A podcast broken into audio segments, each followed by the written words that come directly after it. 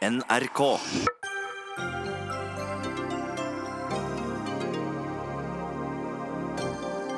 Arbeidslinjen står for fall, med økning i alle kontantytelsene, mener Arbeiderpartiet.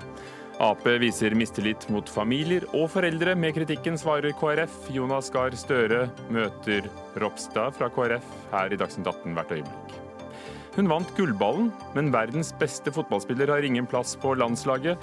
Det blir mer og mer absurd at Ada Hegerberg ikke spiller for Norge, sier VG-kommentator Leif Welhaven, og møter elitesjefen i Fotballforbundet. Priskrigen på typiske julevarer er i gang allerede. Surkål til en femmer, kanel til en halv krone og sikkert snart ribbe for 20 kroner kiloen. Bondelaget mener de lave prisene er fornedrende for bøndene. Men vi kan ikke melde oss ut av denne priskrigen, svarer Coop. Og det lille insektet skjeggkre blir stadig vanligere i norske hjem. Det kalles skadedyr, men gjør de skade? Folk synes uansett de er ekle, og noen mener det påvirker boligprisene.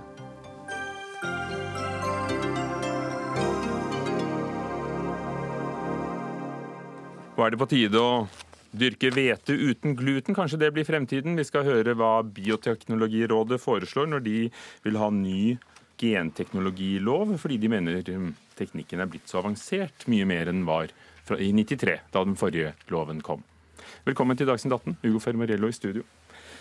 Ytelser foreldre får uten å jobbe, har økt under denne regjeringen. Og nå skal de øke enda mer hvis Kristelig Folkeparti får det som de vil nok en gang. Dette gjelder bl.a. engangsstønad ved fødsel, kontantstøtte og det som er igjen av barnetrygden. Eh, betyr dette at færre kommer til å skaffe seg jobb, eller betyr det større valgfrihet for familien? Kjell Ingolf Ropstad, nestleder i Kristelig Folkeparti. Dere er godt i gang med budsjettforhandlinger med regjeringen. og har bl.a. Eh, et håp om å få opp engangsstøtten til kvinner fra 83 000 nå til nærmere 200 000 kroner. Ja, La oss ta den, da. Hvorfor det? Det er jo fordi det er en grunnleggende urettferdighet i sånne ordninger er utforma i dag. Jeg skal ta et kjapt eksempel. Eh, to studenter som er ferdig utdanna. Den ene kommer rett i jobb. Eh, kan få fødselspenger eh, opp til 6G, eller nesten 600 000 hvis hun føder. Den andre som ikke kommer i jobb, får utbetalt etter KrF sine gode gjennomslag 83 000. Altså en enorm forskjell på akkurat hvordan livssituasjonen er.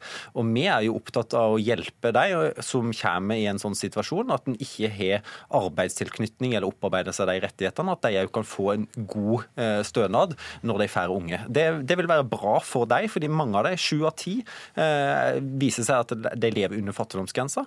Men det vil òg være bra, fordi et alternativ er jo veldig fort at de må ta en abort istedenfor. Jonas Gahr Støre er leder i Arbeiderpartiet. Eh, dette er du uenig i. Hvorfor? Du skrev om det i Aftenposten i en kronikk, at uh, regjeringen forlater arbeidslinja.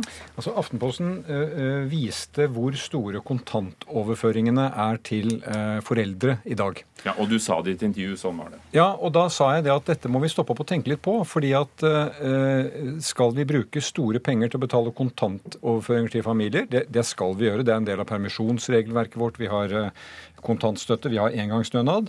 Men framover nå så har vi også spørsmålet om de tjenestene vi mottar, med barn i barnehage, barn i skolen, barn i skolefritidsordning. Eh, og det jeg påpekte var at Med de store kontantoverføringene så kan det for en del, og de som kanskje har størst behov for å komme ut i arbeid, bli slik at det ikke lønner seg å gå i arbeid. At det er mer lønnsomt å sitte og ta imot de kontantytelsene. Og Det er i strid med det jeg tror de fleste i norsk politikk har vært enige om, arbeidslinjen, nemlig at det skal lønne seg å jobbe. For det er en tverrfaglig linje? Tverrfaglig. Eh, Ordet har nå vært brukt Jo, men tverrfaglig er brukt som tverrpolitisk. Tverrpolitisk i hvert fall, ja. Jeg tror ikke fullt og helt nødvendigvis at Kjell Ingolf og jeg er helt enige om det, men, men jeg mener jo at Eh, altså Arbeidslinja handler jo om det at det viktigste vi lever av i landet vårt, er arbeidet. Det er ikke olje og gass og andre ressurser. Det er mitt og ditt arbeid. Vi lever av hverandres arbeid.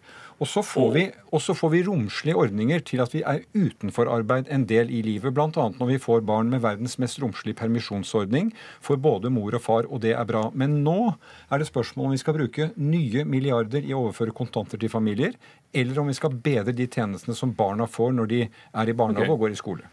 Ropstad, når eh, dere øker da engangsstøtten til 200 000, som dere ønsker å gjøre, dere har ikke fått gjennomslag for dette ennå, vel? Ehm, kan det også føre til at eh, noen ser at det er mer lukrativt eh, og velger at det gjør at noen kvinner heller da lar være å gå ut i jobb? Altså, alternativet, det Engangsstønaden er jo fødselspenger. Så altså, Hvis du ikke har vært i jobb før du føder, så får du i dag eh, 63 000. Etter budsjettenigheten så får du 83 000. Og Alternativet er jo ikke å bare sitte hjemme. Alternativet er jo eh, altså, da eventuelt å ta en abort, da, fordi at du heller skal gå i jobb. Eh, for barna er jo der og skal komme. og Spørsmålet er skal de få et bedre utgangspunkt i livet enn de får i dag. Tror du det er en eh, en reell påvirkning for, eh, for, beslutningen om å ta en abort? Ja, altså Det vet vi jo, at når en har sett på oppgitte årsaker til abort, så er en tredjedel tidligere iallfall jeg begrunna det med økonomiske årsaker. Så jeg tror at dette er iallfall bare positivt. Ikke at jeg har noen beskyldning om, om, at noen andre ønsker at de heller skal ta en abort, men poenget er at dette truer jo ikke arbeidslinja. Altså Verken barnetrygden eller engangsstønaden er jo det som truer arbeidslinja, fordi arbeidslinja er viktig. Og KrF har f.eks. støtta forslag om at når du får sosialhjelp, så skal det være en aktivitetsplikt knytta til den. Fordi at det er mye bedre at folk kommer seg ut i arbeid, enn at de går på sosialhjelp. Men dette har jo f.eks. Barne, eh, Barnefamilieutvalget, Likestillingsutvalget anbefalt nettopp å øke engangsstønaden. Og de gjør det jo fordi at det er bra for familiene og det er bra for de ungene at foreldrene har litt Så, større altså, stønad. Så den støtten dere tar til orde for, barnetrygden har økt med 1000 kroner, vi nærmer oss jo ikke nivåene på 90-tallet uansett, det er ikke nok til å påvirke arbeidslinjen? Eh, eh, det er en tredje støtte her, som KrF er veldig for, kontantstøtten, som også er kraftig økt. Og det er jo penger vi betaler folk for å ikke jobbe.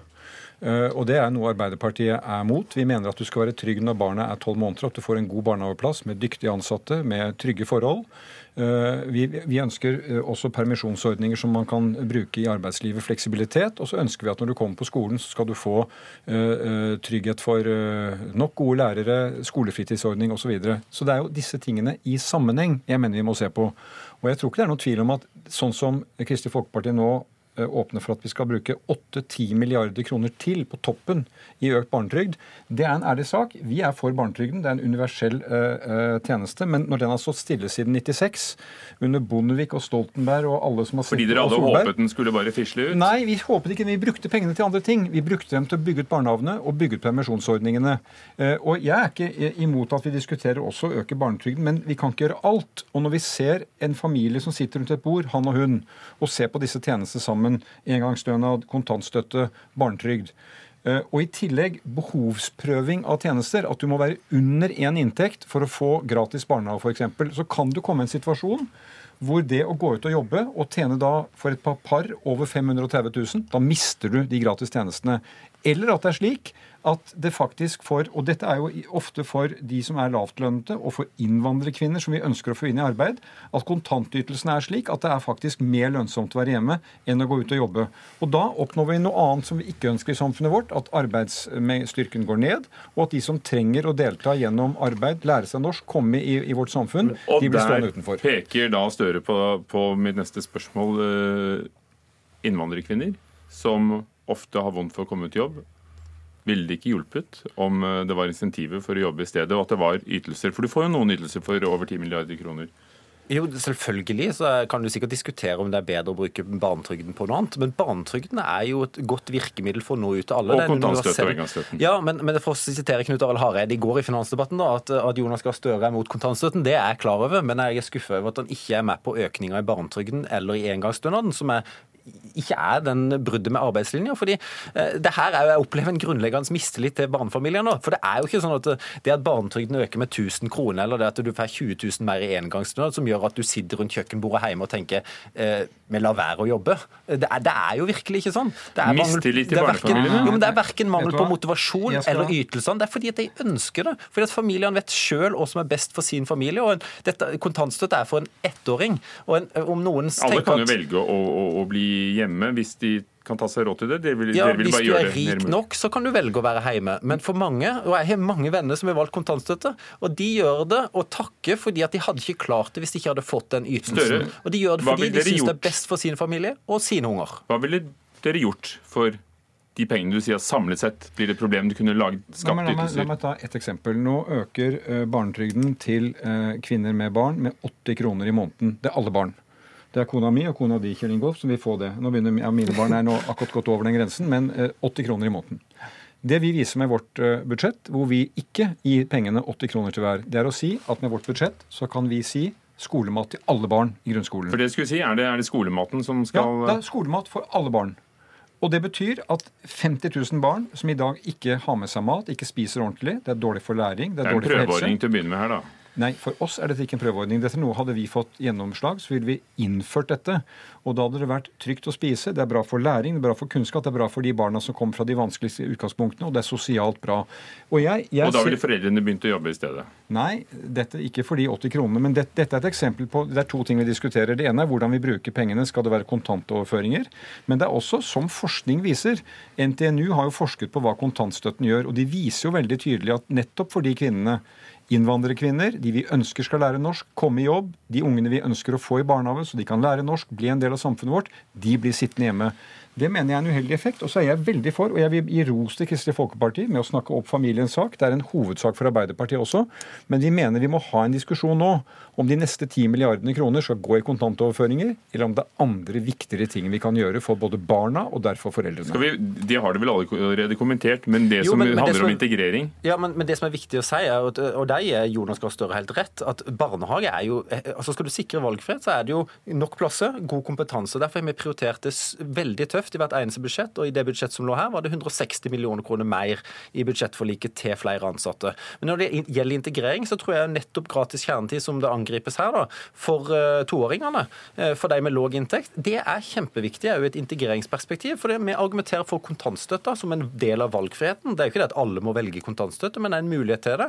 Men det er når de er ett år.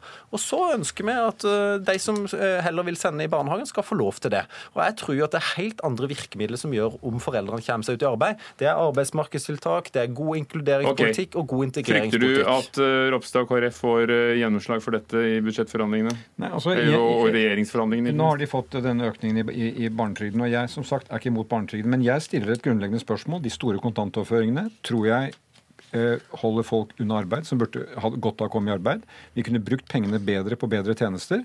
Og jeg er redd for at, behov, at behovsprøvingen av disse, mange av disse Du tjenestene holder folk i det som kan bli en fattigdomsfelle, og det er ikke bra. Dere kom til hver deres svar, og det fikk vi med oss. Takk skal dere ha, Jonas Gahr Støre og Kjell Ingolf Ropstad.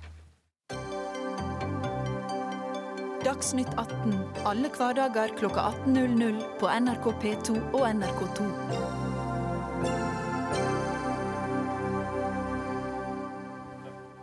Surkål til fem kroner. Kanel koster nå 50 øre, viste VGs matbørs. Og hurtigkokt eh, risgrynsgrøt til 20 kroner. Det er den tiden på året da dagligvarehandelen eh, kriger om kundene og skrur ned prisen til noen vil kalle det latterlig lavt nivå på en del varer.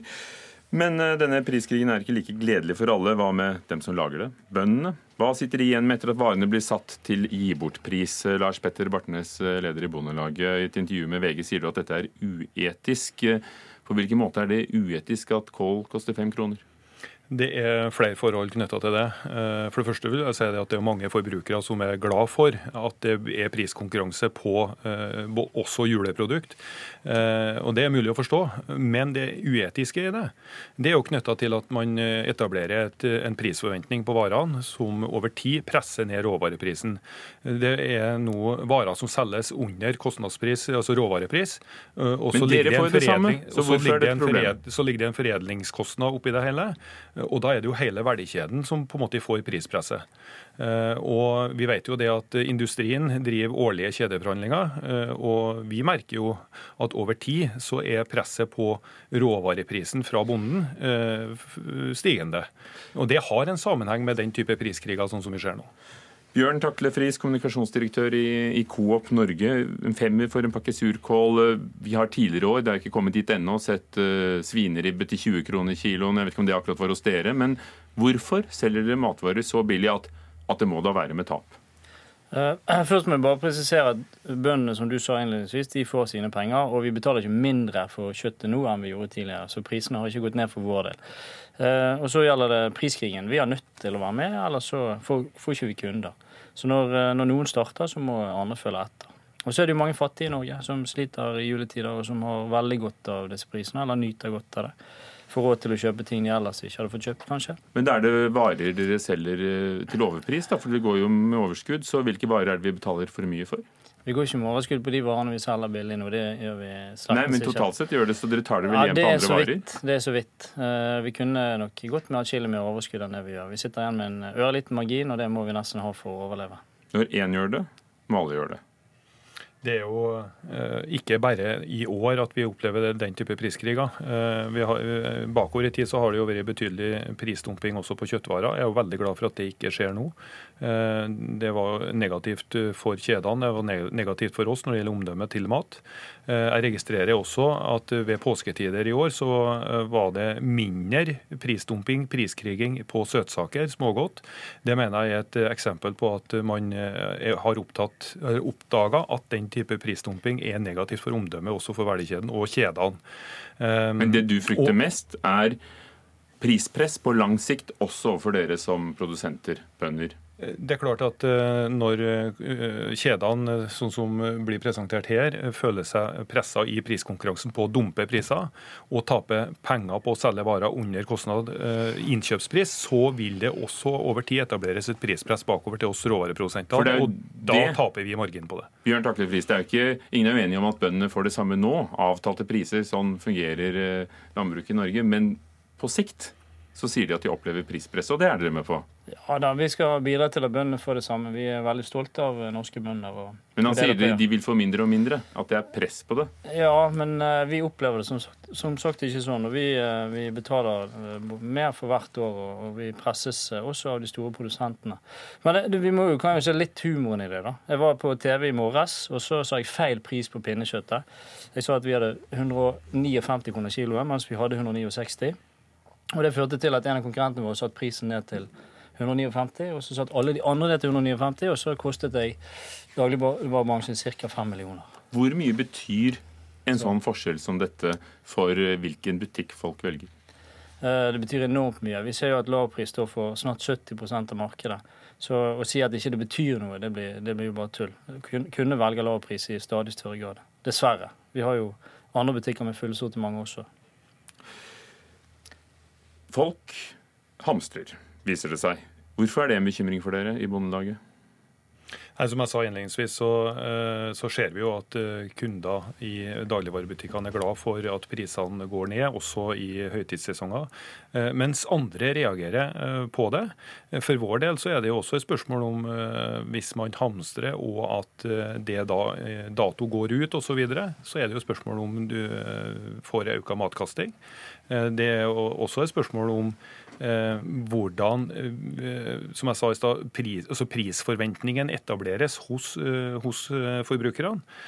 Og med gjentagende sånne priskriger så etableres det en, en lavere prisforventning, noe som, som vi er kritiske til knytta til at vi ønsker jo hver dag å produsere kvalitetsvarer og levere til industri og kjeder, sånn at forbrukerne får flotte produkter. Hvor mye koster det å, å dyrke kilo kål? Lage, eh, avle frem en kilo grisekjøtt? Det er eh, en råvarepris eh, som jeg fikk i dag, på sju kroner kiloen på kålrot. Så den selges også, med tap? Også på svin så er, det, så er det en råvarepris på ca. 26 kroner, pluss at du har foredlingskostnader og eh, transport og logistikk som skal forsvares i den sammenhengen. Men det er liksom verre når det er gris og ikke grønnsak? Du, jeg, mener at, eh, jeg mener det, eh, det er sidestilte problemstillinger, åpenbart. Fordi at eh, det etiske i å danne en prisforventning her på disse produktene er ikke god. Husk, vi går inn i julehøytida med gode, flotte produkter som, som, skal nytes. Og som vi da kan kjøpe rimeligere enn ellers. Bare, Bjørn Takle Friis, du sier dere gjør det med, en, med litt avsmak i munnen, men dere må det? For ellers så mister dere kunder. Ja, Det er både og. Som sagt, det er mange som er avhengig av lave priser, som ikke har det så godt. De nyter godt av disse tidene. Men dere kunne jo fordelt denne, eh, dette avslaget jevnt over hele året over alle varer? Ja, men det gjør vi. Det er jo det han sier. Det er priskriger stort sett hele året. Og så har det heldigvis... Men spørsmålet mitt eh, som jeg skulle frem til egentlig, ville det hjulpet dere i denne konkurransen om vi hadde, som Frankrike, en, en lov mot å selge, som noen har tatt i orde for før framtiden våre hender f.eks., mm. mot å selge matvarer med tap? Ville det hjulpet dere da? Ja, men det ville jo ikke hjulpet den norske forbruker. Konkurransen ville blitt mye snevrere. Nå er det jo knallhard konkurranse hver dag, og de får billige, billige varer. Hvis det hadde vært forbud mot å selge ting med tap, så tror jeg det hadde blitt uh, mye høyere priser totalt sett. Uh, men, for Vi skulle gjerne ha solgt ribben for det vi kjøper den for. Vi betaler kanskje 100 kroner kiloet, og nå er han nede i 49,90. Uh, og vi selger 1000 tonn, kanskje. Ser du noen vei ut av dette? Bartnes? Du, jeg, for det første så jeg, jeg tror heller ikke at det er noen god løsning å lovregulere mot prisdumping. Jeg tror det er riktig at det er en konkurranse der ute. Men det jeg registrerer, er jo at kjedene beveger seg fra produktgruppe til produktgruppe, og er på mange måter på leit for å finne en vei ut. Og, jeg tror, altså rett og slett Min oppfordring er jo at kjedene må, må gå i seg sjøl og, og, finne ut av hvordan man skal forholde seg til spesielt det her høytidsmåltida som alle skal nyte nå gjennom jula. Hvor mye handler konkurransen om pris, og hvor mye handler om kvalitet, utvalg? Nei, eh, Folk blir jo like, eller, stadig mer opptatt av kvalitet også, og det går jo enda mer utover oss. Sant? For vi må ha høy kvalitet og allikevel lave priser. Det går ikke ikke utover dere at dere må ha god kvalitet og høy kvalitet? Nei, men eh, tidligere så har vi hatt lavprisalibiene våre, mens nå har vi jo høy kvalitet på også egne merkevarer, så det koster stadig mer å ha lave priser. Jeg mener jo at uh, kvalitet og mangfold burde åpenbart ha vært noe som har truffet forbrukerne også inn mot julehøytida. Takk skal dere ha. Lars eh, Petter Bartnes, leder i Bondelaget, og Bjørn Takle Friis fra Coop Norge, eller Samvirkelaget, som vi pleide å si.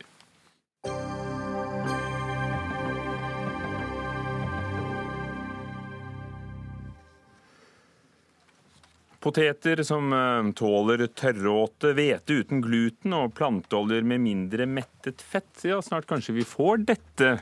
Det kan skje hvis rådene fra Bioteknologirådet blir fulgt. De blir lagt frem i ettermiddag klokken tre, fordi eh, rådet foreslår å gjøre det enklere å få godkjent produkter som er genmodifiserte. I dag eh, la de altså frem dette forslaget til ny lov. Den forrige loven er fra 93, og det har jo skjedd mye med teknikken og teknologien siden eh, det som ga oss verdens strengeste lov for bioteknologi kom. For å begynne med, med, deg, Aina Bartmann, daglig leder for Nettverk for GMO, altså genmodifisert mat, eh, organisme, fri ordning.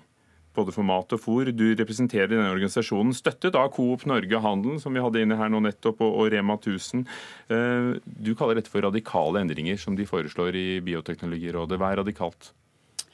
Det radikale eh, og det vi er uenig i, det er at man eh, ser for seg å unnta en stor gruppe med genmodifiserte organismer fra den vanlige saksbehandlingen eh, og si at man trenger mindre risiko- og konsekvensvurderinger på dem. Og at de skal være nok med meldeplikt og unntatt offentlige høringer.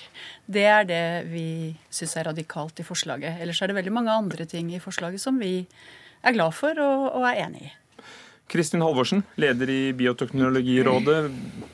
Ja. Hvor, er dere blitt slepphendte? Nei, altså jeg er eh, veldig eh, Har vært veldig for den genteknologiloven som vi har. Eh, vi har en, hatt en streng lov. Den har tjent oss vel. Den har lagt vekt på samfunnsnytte, bærekraft og, og etikk. Og det har jo ikke vært noe rop verken fra forbrukere eller produsenter om å bruke de, de gamle GMO-ene eh, i Norge. Men det som har gjort at vi har gått nærmere inn på å se om dagens lovverk og regelverk er hensiktsmessig, det er at vi har fått nye, de nye teknologiene som veldig mye mer presist kan gå inn og redigere eh, i gener. F.eks. redigere bort et sykdomsgen. Eller gjøre en laks eh, steril, sånn at oppdrettslaks ikke kan blande seg med, eh, med villaks. Men skal vi bare fastslå sånn som det er i dag, så er det så å si ingenting som er tillatt i Norge?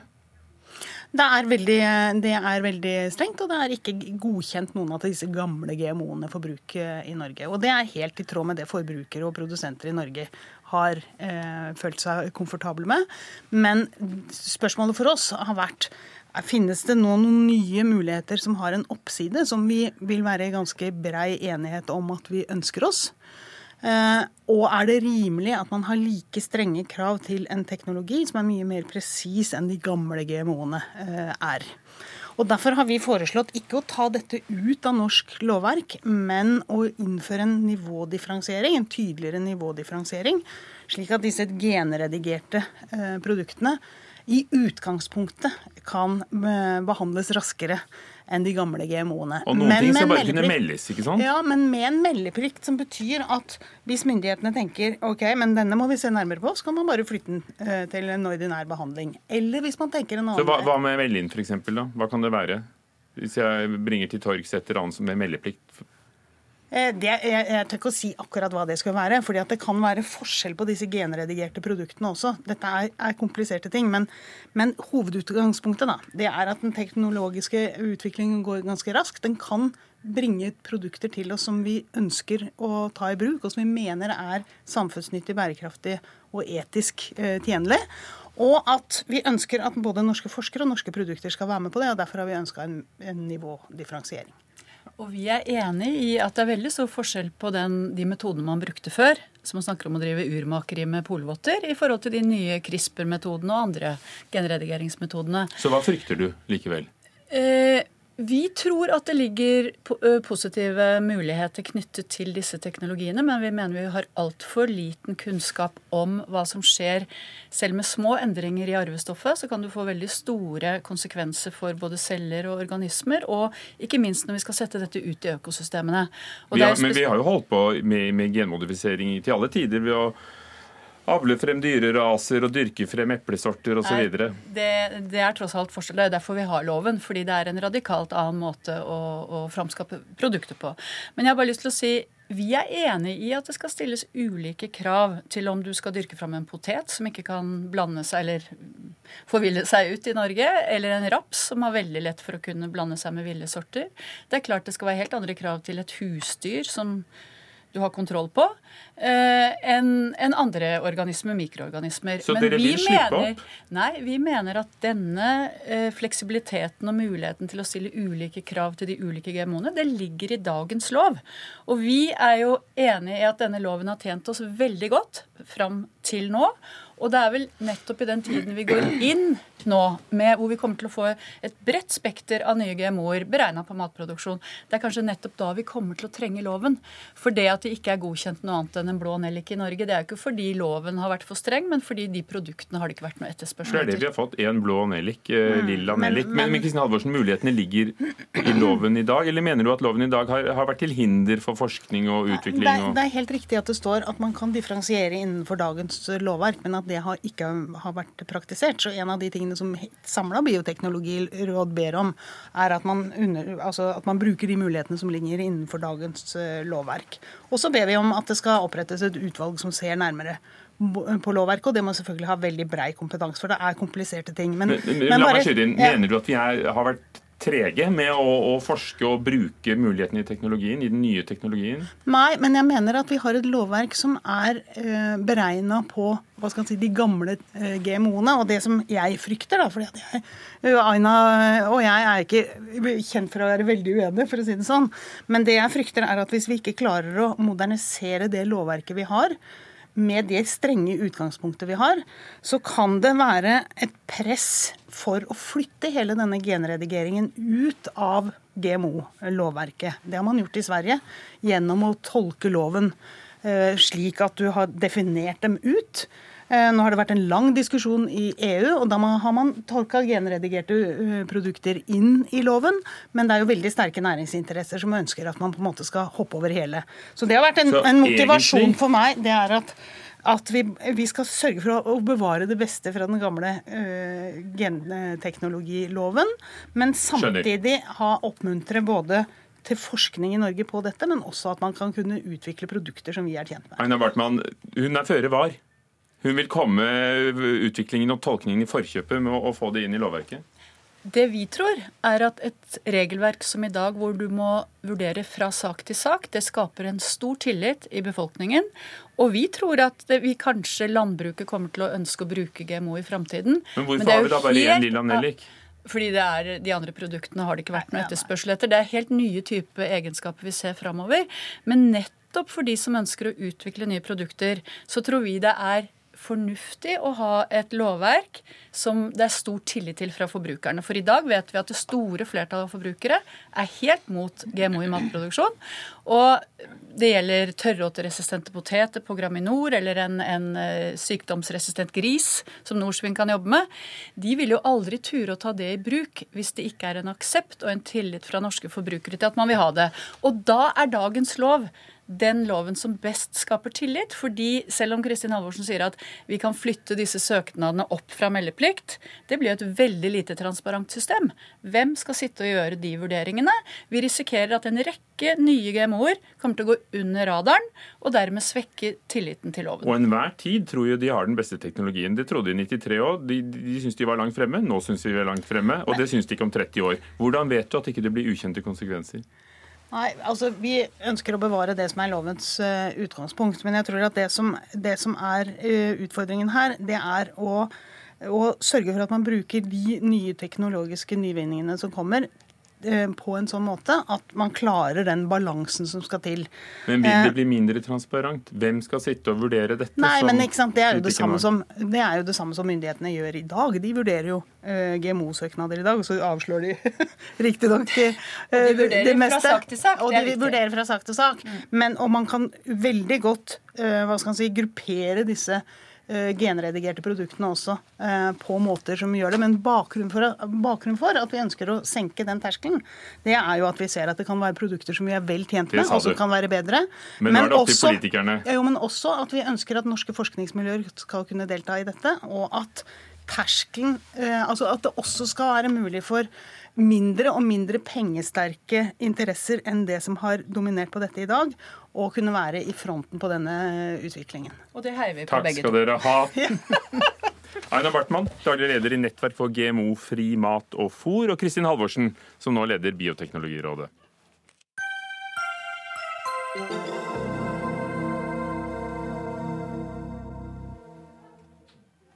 Språkrådet har kåret skjebnelandsmøtet til årets ord, men det er noe i veien med hvordan de velger det, mener tidligere språkdirektør, den kjente målmannen eh, Sylfest Lomheim. Kanskje blir det da et skjebnemøte mellom ham og den nåværende språkdirektøren i Dagsnytt 18 senere i sendingen. Nå skal det handle om skjeggkre. Et lite dyr, noen kaller det skadedyr, men eh, det volder visstnok ingen skade, men de blir regnet som skadedyr fordi mange syns de er ekle og ubehagelige å møte i sitt eget hjem. Senest i forrige uke ble en boligeier dømt til å betale over en halv million kroner fordi kjøperen ble møtt av et skjeggkre ved innflytting, skrev E24. Forsikringsselskapet Protektor hevder at dyr allerede er så vanlig at boliger oppnår nå samme pris med skjeggkre som uten skjeggkre, og ønsker at Høyesterett skal fastslå dette. Dag Børresen, kommunikasjonsdirektør og advokat i forsikringsselskapet Help, som bl.a. forsikrer boligkjøpere. Er en bolig med skjeggkrem like lett å selge som en uten? Nei, det er den ikke. Det, det er sånn at eh, skjeggkre oppleves som mangel, tror jeg, for de aller fleste. Altså dette Eh, altså Hvis man eh, kjøper en bolig, så oppdager man like etter overtagelse at eh, det er fullt av små kryp i huset som kan bli eh, nesten to centimeter lange. Dette er jo nattdyr, så du ser dem ikke så godt om eh, dagen, men eh, du våkner med dem i sengen, du finner dem i frokostblandingen, du møter dem i dusjen og i vasken på badet osv. osv. Og jeg tror de aller fleste kan sette seg inn i at dette er ikke noe du regnet med da du kjøpte boligen. De kom til Norge Når kom de? Ja, de kom, ja, altså Akkurat når de kom, det tror jeg man er uenig om. Men vi registrerte ingen saker hos oss før i 2014. Da hadde vi én, tror jeg. Eh, så dette har eksplodert de siste få årene. Så dette er på en måte den rampete fetteren til de kjente sølvkreene som alltid har dukket opp på fuktige badegulv nattestid.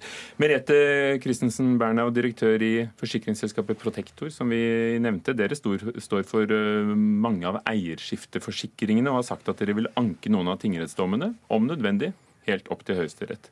Hvorfor er eh, skjeggkrefenomenet så viktig for dere? Jeg tror eh, skjeggkrefenomenet, altså I utgangspunktet så sier de at de kom til Norge ca. 2013. Og det er som Dag Are sier, det har gått utrolig fort. De har spredd seg veldig, veldig fort. Så de finnes nå i ganske mange hjem, og de finnes overalt i Norge.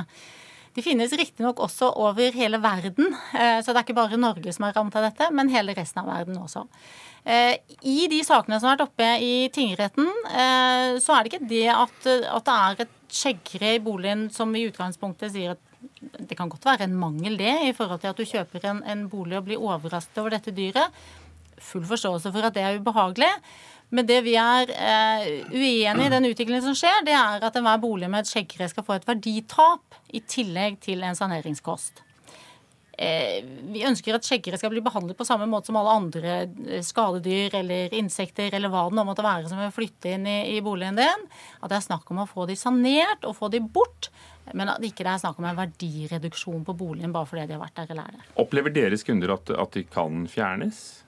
Nei, og det finnes jo ingen det er viktig å få sagt, det finnes jo ingen effektiv kur mot skjeggkre nå. altså Det går ikke an å utrydde dem. og eh, Det er heller ikke sånn at dette her er vanlig. Eh, altså eh, Helt par omtrent 100 advokater eh, hos oss, så er det største eh, advokatmiljøet for boligkjøpere. Og vi har, da fikk du sagt det. Da fikk jeg sagt det. Og vi har nå ca. 250 åpne saker om skjeggkre.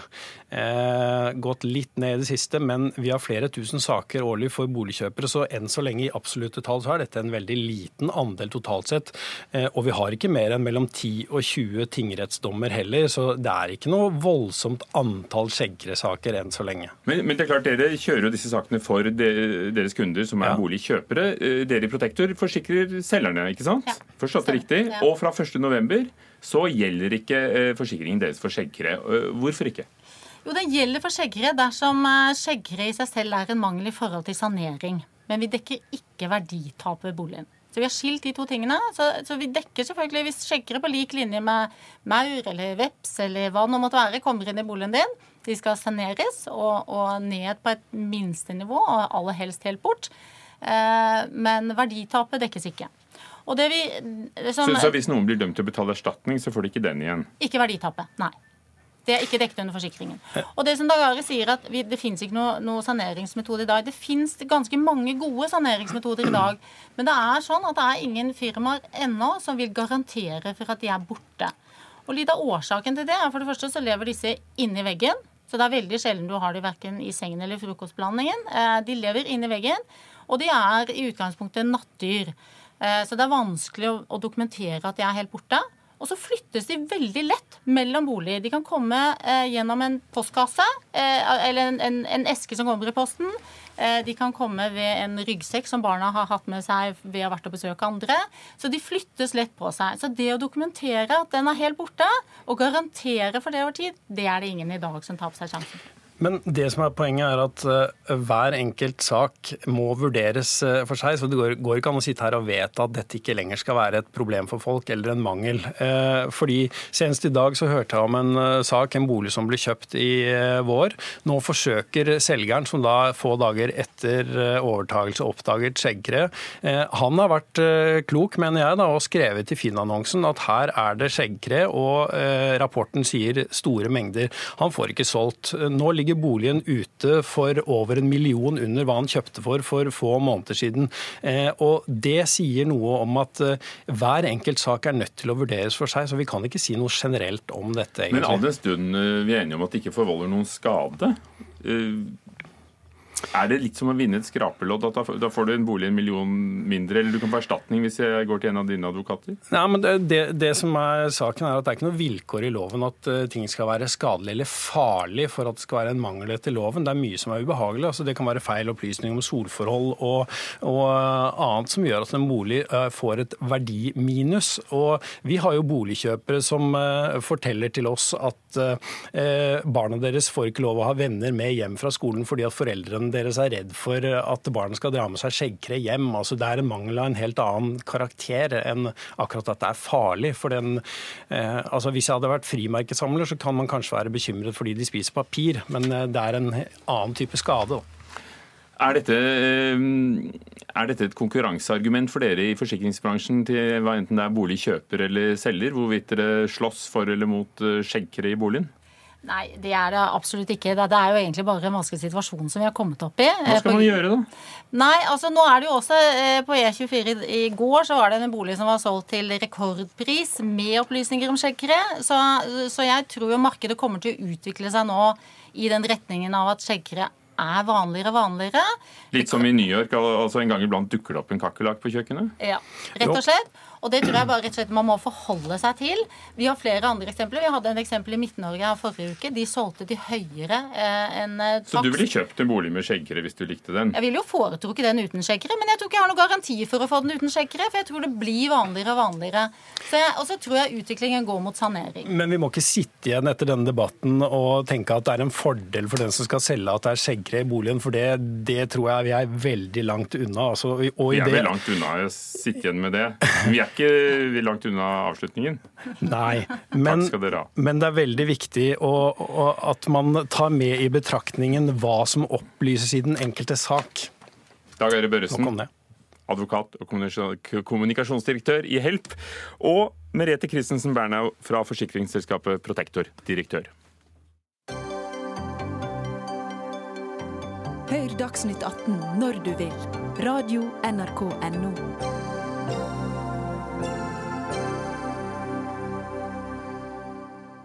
Radio.nrk.no. det har vært en fantastisk kveld og utrolig god reklame for kvinnefotball. Jeg føler at vi satt kvinnene frem ved å få på plass en prisen her. Så å være den første i historien, det, det er noe for seg sjøl. Ada Hegerberg vant altså Ballon d'Or, gullballen i går. 23 år gammel, spiss på Lyon. Og det er første gangen det franske magasinet France Football deler ut den prestisjefylte prisen. Eh, så nå er hun altså, Ada Hegerberg, verdens beste fotballspiller på kvinnesiden. Øyvind Eide, idrettsleder på Norges toppidrettsgymnas, men tidligere trener for Ada Hegerberg da hun spilte for Stabæk fotball kvinner. Hva syns du om at hun har vunnet gullballen? Det er selvfølgelig utrolig stort, og ikke minst for norsk fotball. Eh, også for oss som har vært med på reisa, selvfølgelig, fra, fra hun var ung. Eh, dette er jo Norges desidert største eh, kvinneidrett, og verdens største kvinneidrett. Og nå har vi også verdens beste fotballspiller i den idretten. Var 16, eh, hun var 16 år gammel da du trente henne på Stabæk. Kan kan du si litt om hva hun har som gjør at hun er så god? Først og fremst har en sinnssyk mentalitet i forhold til det å utvikle seg, ærgjerrighet i forhold til å være best på de tinga hun driver med. Det er det som soleklart stikker seg fram. Hun spilte 25 kamper for, eh, for oss når hun var 16. Hun skåra 33 mål. Det var en drøm å trene. Hun var ærgjerrig. Hun var veldig opptatt av å ta til seg den læringa som, eh, som, vi kunne gi henne. Hun var ekstremt ydmyk og jobba knallhardt. Men så er det det som mye har handlet om etter at Ada Hegerberg fikk eh, denne prisen i går, er at verdens beste kvinnelige fotballspiller ikke spiller på det norske landslaget. Hun gikk ut av det etter EM eh, e i fjor med litt sånn lusende resultater for Norges del. Ehm, hvor pinlig er denne konflikten nå? Leif Welhaven, sportskommentator i VG. Altså, dette er en helt eh, absurd eh, situasjon, altså, hvor Norge har verdens beste kvinnelige fotballspiller, som ikke spiller på landslaget pga. en konflikt som ikke eh, har latt seg eh, løse. Det er eh, helt utrolig merkelig at det ikke går an å sette seg ned og snakke skikkelig sammen og sånn sett altså få løst opp i dette. Og mye av ledelse handler jo om å løse konflikter. Og for meg så er det altså helt, helt sykt at vi har en spiller på dette nivået som ikke representerer landet sitt. Hun forlot landslaget, men det later ikke til at, at de har lyst på henne heller. fordi Treneren der har jo ikke gratulert henne engang, eller vært i kontakt. Så, så hvem har ansvaret her? Altså, dette er en sammensatt problemstilling med sterke følelser eh, på mange sider. og Det er ikke, det er ikke sånn at dette er svart og hvitt fra den ene eller den andre siden. Men jeg tror det vi skal altså, huske på her, er altså at ledelse i idrett handler om å få individer til å fungere sammen. Og det er ikke noe nytt for verken trenere eller forbundsledere å skulle altså få uh, personer altså, som, kan, som, kan, bli sett på til, som individualister til å fungere i et kollektiv. Og Her mener jeg at det hviler et betydelig ansvar eh, både på landslagssjefen og på Norges Fotballforbund til å klare å være frempå nok til å finne en løsning. Og jeg nekter å tro at dette ikke skal være mulig å finne en løsning på som gjør at hun kan fungere sammen med de andre spillerne til det beste for Norge. Og Fotballforbundet er med oss. Elitedirektør Lise Klavenes, verdens beste fotballspiller, er norsk og spiller ikke på landslaget. Kan du løse det? Du, det er i hvert fall jeg er helt enig med det som blir sagt her, at en del av idrettsledelsen er å få de beste til å fungere sammen. Vi ønsker å ha en dialog med Ada Hegerberg med sikte på å prøve å løse dette. Det har vært på agendaen lenge før hun fikk denne prisen, helt åpenbart. Jeg personlig har hatt en dialog med Ada Hegerberg hele veien siden mesterskapet, som jeg har hatt med veldig mange andre spillere. Jeg så jo det var ikke bare lusende resultater, det var en forferdelig nedtur. Man må rett og slett ha opplevd det for å skjønne hvor deprimerte troppen blir. Det er spesielt for for eh, kvinnesiden at eh, medietrykket blir så stort plutselig. Og når man, vi har vært vant til suksess, og så går det veldig dårlig. Så jeg eh, var jo ringside den gang og visste at dette ble tøft for mange involverte. Så kom denne saken opp på toppen av det. Så dette er spesielt bakteppe Og, at. Og, og, og nå, Lise Klavenes, er du jo da elitedirektøren i Fotballforbundet og på en måte da sjefen til landslagssjef Martin Sjøgren. Er ikke nettopp det å løse opp i noe sånt jobben deres? Jo, absolutt. Altså, det er bl.a. Eh, jobben eh, vår. Eh, Martin Sjøgren er helt enig i at vi skal ha denne dialogen med Ada Hegerberg. Ada Hegerberg har gitt signaler om at hun ønsker å ha det. så handler det om å, og, og vi har en dialog med henne i dag òg. Han Men, sier han ikke har hatt kontakt med henne på over et år? Han, han, har ikke hatt det, men jeg har en dialog med Ada Hegerberg. og Neste steg nå er å sette oss eh, sammen for å forsøke å forstå situasjonen. For det er faktisk ikke en sånn at det ligger en konflikt på bordet som jeg, jeg har tilgjengelige løsninger på her, her, i dag. Sånn er det ikke. Dette er komplekst, det er sammensatt. Eh, og Ada Hegerberg sier veldig klart nei til landslaget. Det må vi selvfølgelig respektere. Jeg har sjøl vært i den situasjonen. Så vi må sette oss ned og forstå hvor skoen trykker nå. og det, det har stått på agendaen lenge før denne prisen kom. Leif Laven eh, Hegerberg trakk seg altså etter EM, som var knusende ifølge Klavenes. Eh, og vil ikke spille før forbundet gjør som hun ønsker, er vel sagt noe i den retning. Er det, er det snakk om, eh, om en primadonna? Altså, Ada Hegerberg har sikkert sine sider, og det er altså også åpenbart en side ved dette at det er deler av spillergruppen som da ikke har gått spesielt godt sammen med henne. Men jeg tror nok at litt av bakteppet her er at dette handler om en veldig ærgjerrig kvinnelig fotballspiller som vokser opp i en verden styrt av menn langt på vei for menn. og det, Noe dette handler nok om en litt sånn tiltagende frustrasjon om et altså, system hvor det er vanskeligere å lykkes å slå seg fram som, som uh, jente enn det er som gutt. Og så havner hun da i en situasjon med en uh, ny landslagstrener som hun åpenbart ikke går all verden sammen med, og et mesterskap som går veldig dårlig, og så renner det sånn sett litt over. Øyvind Eide, da fra tiden i Stabæk eh, fotball kvinner, eh, hvordan håndterte du å ha en så god spiller? For du mener hun var nesten like god den gangen som nå? På et lag med mange? Ja, og vi hadde jo flere stjerner. Vi, vi hadde jo Stensland som hadde vunnet Champions League, og Graham Hansen var jo der, så vi hadde jo et, uh, en rekke full av, full av bare stjerner. hos? Ba, bare stjerner.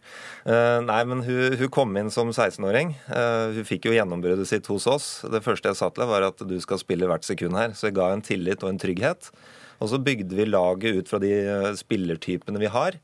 Ehm, så å jobbe med hun der, det var eh, som jeg sa i stad, det var eh, en enkel jobb, for hun, hun, var ute etter å bli best mulig. Hvis du nå var treneren til Martin Sjøgren, da, hans coach, hva vil du rådet ham til å gjøre for å få alle til å spille sammen? Ja, nå foregår det noe her, for eh, spillerne, eh, spillerne, i Norge har jo stemt fram et lag, hvor eh, årets lag hvor Ada ikke er. Så nå det var. Riktignok før hun vant gullballen, men like fullt? Allikevel. Hun har vunnet Champions League tre ganger. At hun skal ha en plass der sånn, det, det syns jeg er åpenbart. Da er tidspunktet for å vise ledelse. Og ikke minst en sånn diskusjon som det her også så, så, burde han kanskje ha vært her og, og, stilt opp. Nå må han vise tydelig lederskap i forhold til å løse den situasjonen. For alt det som foregår nå i spillergruppa, det foregår under hans ledelse. Så det må tas tak i den situasjonen her. Lise Klavnes, Ada Hegerberg krever da endringer fra forbundet for å vurdere å, å komme tilbake til landslaget. Hva, hva konkret er det hun ønsker, som du har oppfattet det? Nei, jeg har oppfattet, jeg har jo satt meg inn i denne saken. Jeg var jo ikke her eh, når dette skjedde, jeg var på utsiden. og det, Ada Hegerberg hadde en rekke innspill som, eh, etter et mesterskap som gikk dårlig, som var i tråd med de innspillene og de kravene vi setter på oss sjøl. Laget har jo gjennomgått eh, veldig mye gjennom dette året og dermed kvalifisert seg til VM. og Det skjer mye i Norges Fotballforbund. Økt satsing på toppfotball bl.a. Så nå er jeg interessert i å sette meg sammen med Ada Hegerberg. Kan du ikke si litt om, om hva hun har spurt dere om? Du, jeg, jeg, jeg, vet, jeg, ønsker å sette meg sammen med Ade Hegerberg for å forstå hennes situasjon nå, for jeg vet ikke hva konkret dette dreier seg om nå. Vi, det er derfor vi er nødt til å ha en dialog over bordet og ikke via mediene, der vi forstår hva, hvor trykker skoen nå. Leif Welhaven, eh, fra utsiden som kommentator som leser og intervjuer, eh, hva krever hun av Fotballforbundet? Disse Klaveness er altfor diplomatisk til å få et ordentlig svar. Nei, helt ærlig, Det vil jeg jo gjerne få kommentere. Ja, jeg, jeg, jeg, er ikke for diplomatisk. Realiteten er at Norges Fotballforbund vet ikke konkret hva mm. det er nå som gjør at ikke hun spiller på landslaget. Vet du det, det er svaret, og vi må sette oss sammen for å forstå hvor hun er nå. Altså jeg, tror, jeg, tror, svaret har to komponenter, uten at jeg heller vet uh, på ingen måte alt. Men altså, ting har vel handlet om hvordan hun har opplevd landslaget og opplegget rundt der og profesjonaliteten rundt det, som hun har ment at ikke har vært god nok. Og så tror jeg at det også er en litt sånn overordnet struktur om en verden som veldig er og i hvert fall har vært veldig tilrettelagt eh, på menns eh, premisser. Og jeg må si at jeg har Men Vil hun at hun skal spille, at de skal spille annerledes, tror du? Ja. Altså, det var jo f.eks. Altså et mesterskap som kanskje handler litt om hvordan man får brukt hennes uh, kvaliteter, så hva slags type spiss hun er. Men jeg tror at altså, det er dypereliggende ting først og fremst der. Og jeg syns jo at uh, da denne konflikten eskalerte, at det har vært en veldig sånn paternaliserende holdning fra en del i, i Fotballforbundet overfor henne. Og Jeg håper jo nå at vi har fått Klavenes på plass, som er en leder jeg har veldig tro på, at man sånn kan få en mye bedre dialog. For det, dette har vart lenge, og det, Fotballforbundet burde vært mye bedre informert om hva dette dreier seg om, enn de da faktisk er. Så jeg håper at Klavenes nå kan få til dette framover. For dette må vi, vi må bare ha en løsning på dette her. Ja, Øyvind Eide, som, som tidligere, tidligere treneren hennes, hva tror du etter å ha hørt dette? Først og fremst så må man komme i, i møte med men jeg, jeg tror nå er komme så... i møte, Men kan hun også, burde hun komme litt i møte? Eller kan hun ha tatt noen uh, ukloke ja, beslutninger? Det, det, kan godt hende. Uh, men lederen av uh, lederne her sitter i, i, Norges Fotballforbund. Det er de som må ta tak i den situasjonen. Og Det er sikkert gjort feil på, på begge sider, men det er lederen som må ta det initiativet, etter mitt syn. Dere har ballen. Takk skal dere ha. Lise Klavenes, elitedirektør i Norges Fotballforbund. Øyvind Eide, idrettsleder i Norges toppidrettsgymnas. Og Leif Welhaven, sportskommentator fra VG.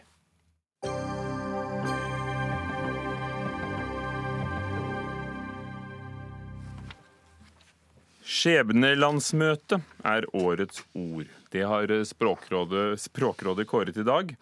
Er det nytt? Hva sier det om vår tid? Er det det som burde være årets ord?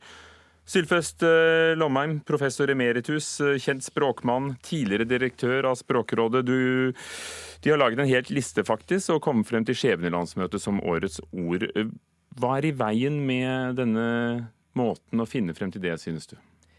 Det som kanskje er i veien med den formaliserte framgangsmåten som de har lagt seg på nå i Språkrådet, vi hadde ikke dette da vi starta med denne tradisjonen i 2008, det er at de let først ei datamaskin plukke fram de genuint nye orda, og så begynner de å diskutere hva slags ord de skal plukke ut på basis av det. Vi bare begynte å diskutere med en gang rett på, og tenkte hva slags ord er det som virkelig framstår som sjølve orda i dette året, og så landa vi på noe. Syns du skjebnelandsmøtet på noen måte er et ord som sier noe om året? Absolutt. Men jeg tror det at hvis vi tenker oss noen år fram i tid, så vil ikke skjebnelandsmøtet kanskje summere opp året på samme måten som La oss si i 2008. Da kom vi fort fram til at det som skal være årets ord i 2008 finanskrise. Og jeg tror hvis vi sier det nå ti år etterpå, så fungerer det like godt som årets ord. Og i 2010 landa vi fort på oskefast det fungerer fremdeles. Så jeg tror de fleste vil si at skjebnelandsmøtet er ikke akkurat på det nivået. Åse Vetås, direktør for Språkrådet. Skjebnelandsmøtet ble årets ord. Er det det ordet som sier mest om året vårt? Nei, nå er det jo sånn at Vi har lagd ei hel liste med ord, og skjebnelandsmøtet ble plassert på toppen. Og tunga på vektskåla i valget av årets ord var aktualiteten.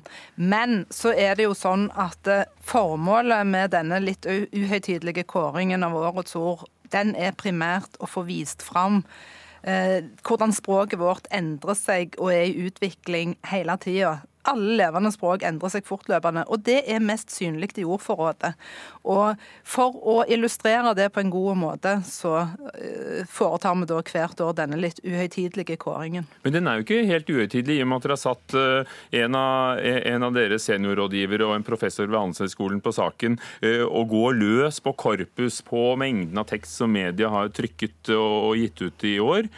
Og så kommer de frem til da disse ordene som er årets. Skjebnelandsmøte, grottegutt, sosionomisere, plogging, fattigdomslykke, matredder, videoassistert dømming, slitertillegg, påvirker og gladbobler.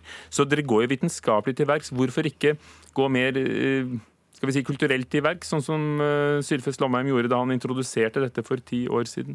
Ja, dette er en del av Språkrådet sitt eh, løpende arbeid. Vi driver løpende språkobservasjon. Det er en del av kjernevirksomheten vår. Og det er et arbeid vi må holde i gang for å kunne drive god språknormering og god språkrådgivning til alle som ønsker råd om godt språk. Og vi trenger å følge med på hvordan språket vårt utvikler seg. Og i det bildet så er årets ord et biprodukt av dette arbeidet. og da som sagt en fin mulighet til å få vist fram hvordan språket vårt forandrer seg litt grann hvert eneste år. Og så er det sånn at På den lista som vi har her, så er det eksempler på forskjellige typer ordlaging. Vi har verb lagt av substantiv, vi har substantiv lagt av verb. Og skjebnelandsmøtet er da et eksempel på den aller mest vanlige måten å lage nye ord på i norsk, nemlig å kombinere substantiv og substantiv, eller adjektiv og substantiv som òg er veldig vanlig. Ja, ja, Lomheim, eh, det høres jo nesten ikke nytt skjebnelandsmøte, fordi det er jo bare to vanlige ord satt sammen. Skjebnemøter har vi jo hatt mange av. Ja da, skjebnetid og alt mulig, men det er jo rett som Åse Vetås sier. skjebnelandsmøtet, den sammensetninga der er genuint ny i år. Men uh, mitt poeng, og vårt poeng langt tilbake i tid, var at uh, det liksom ikke var nok. Vi eh, mente at ordet ikke bare skulle være nyskapt, det skulle først og fremst signalisere året. Vesentlig, noe vesentlig ved dette året. og Da vil jeg si at blant de ordene som vi nå fikk opplest, så videoassistert dømming det er de inne på noe igjen, den, eh, men de andre de har jeg nesten ikke noe forhold til.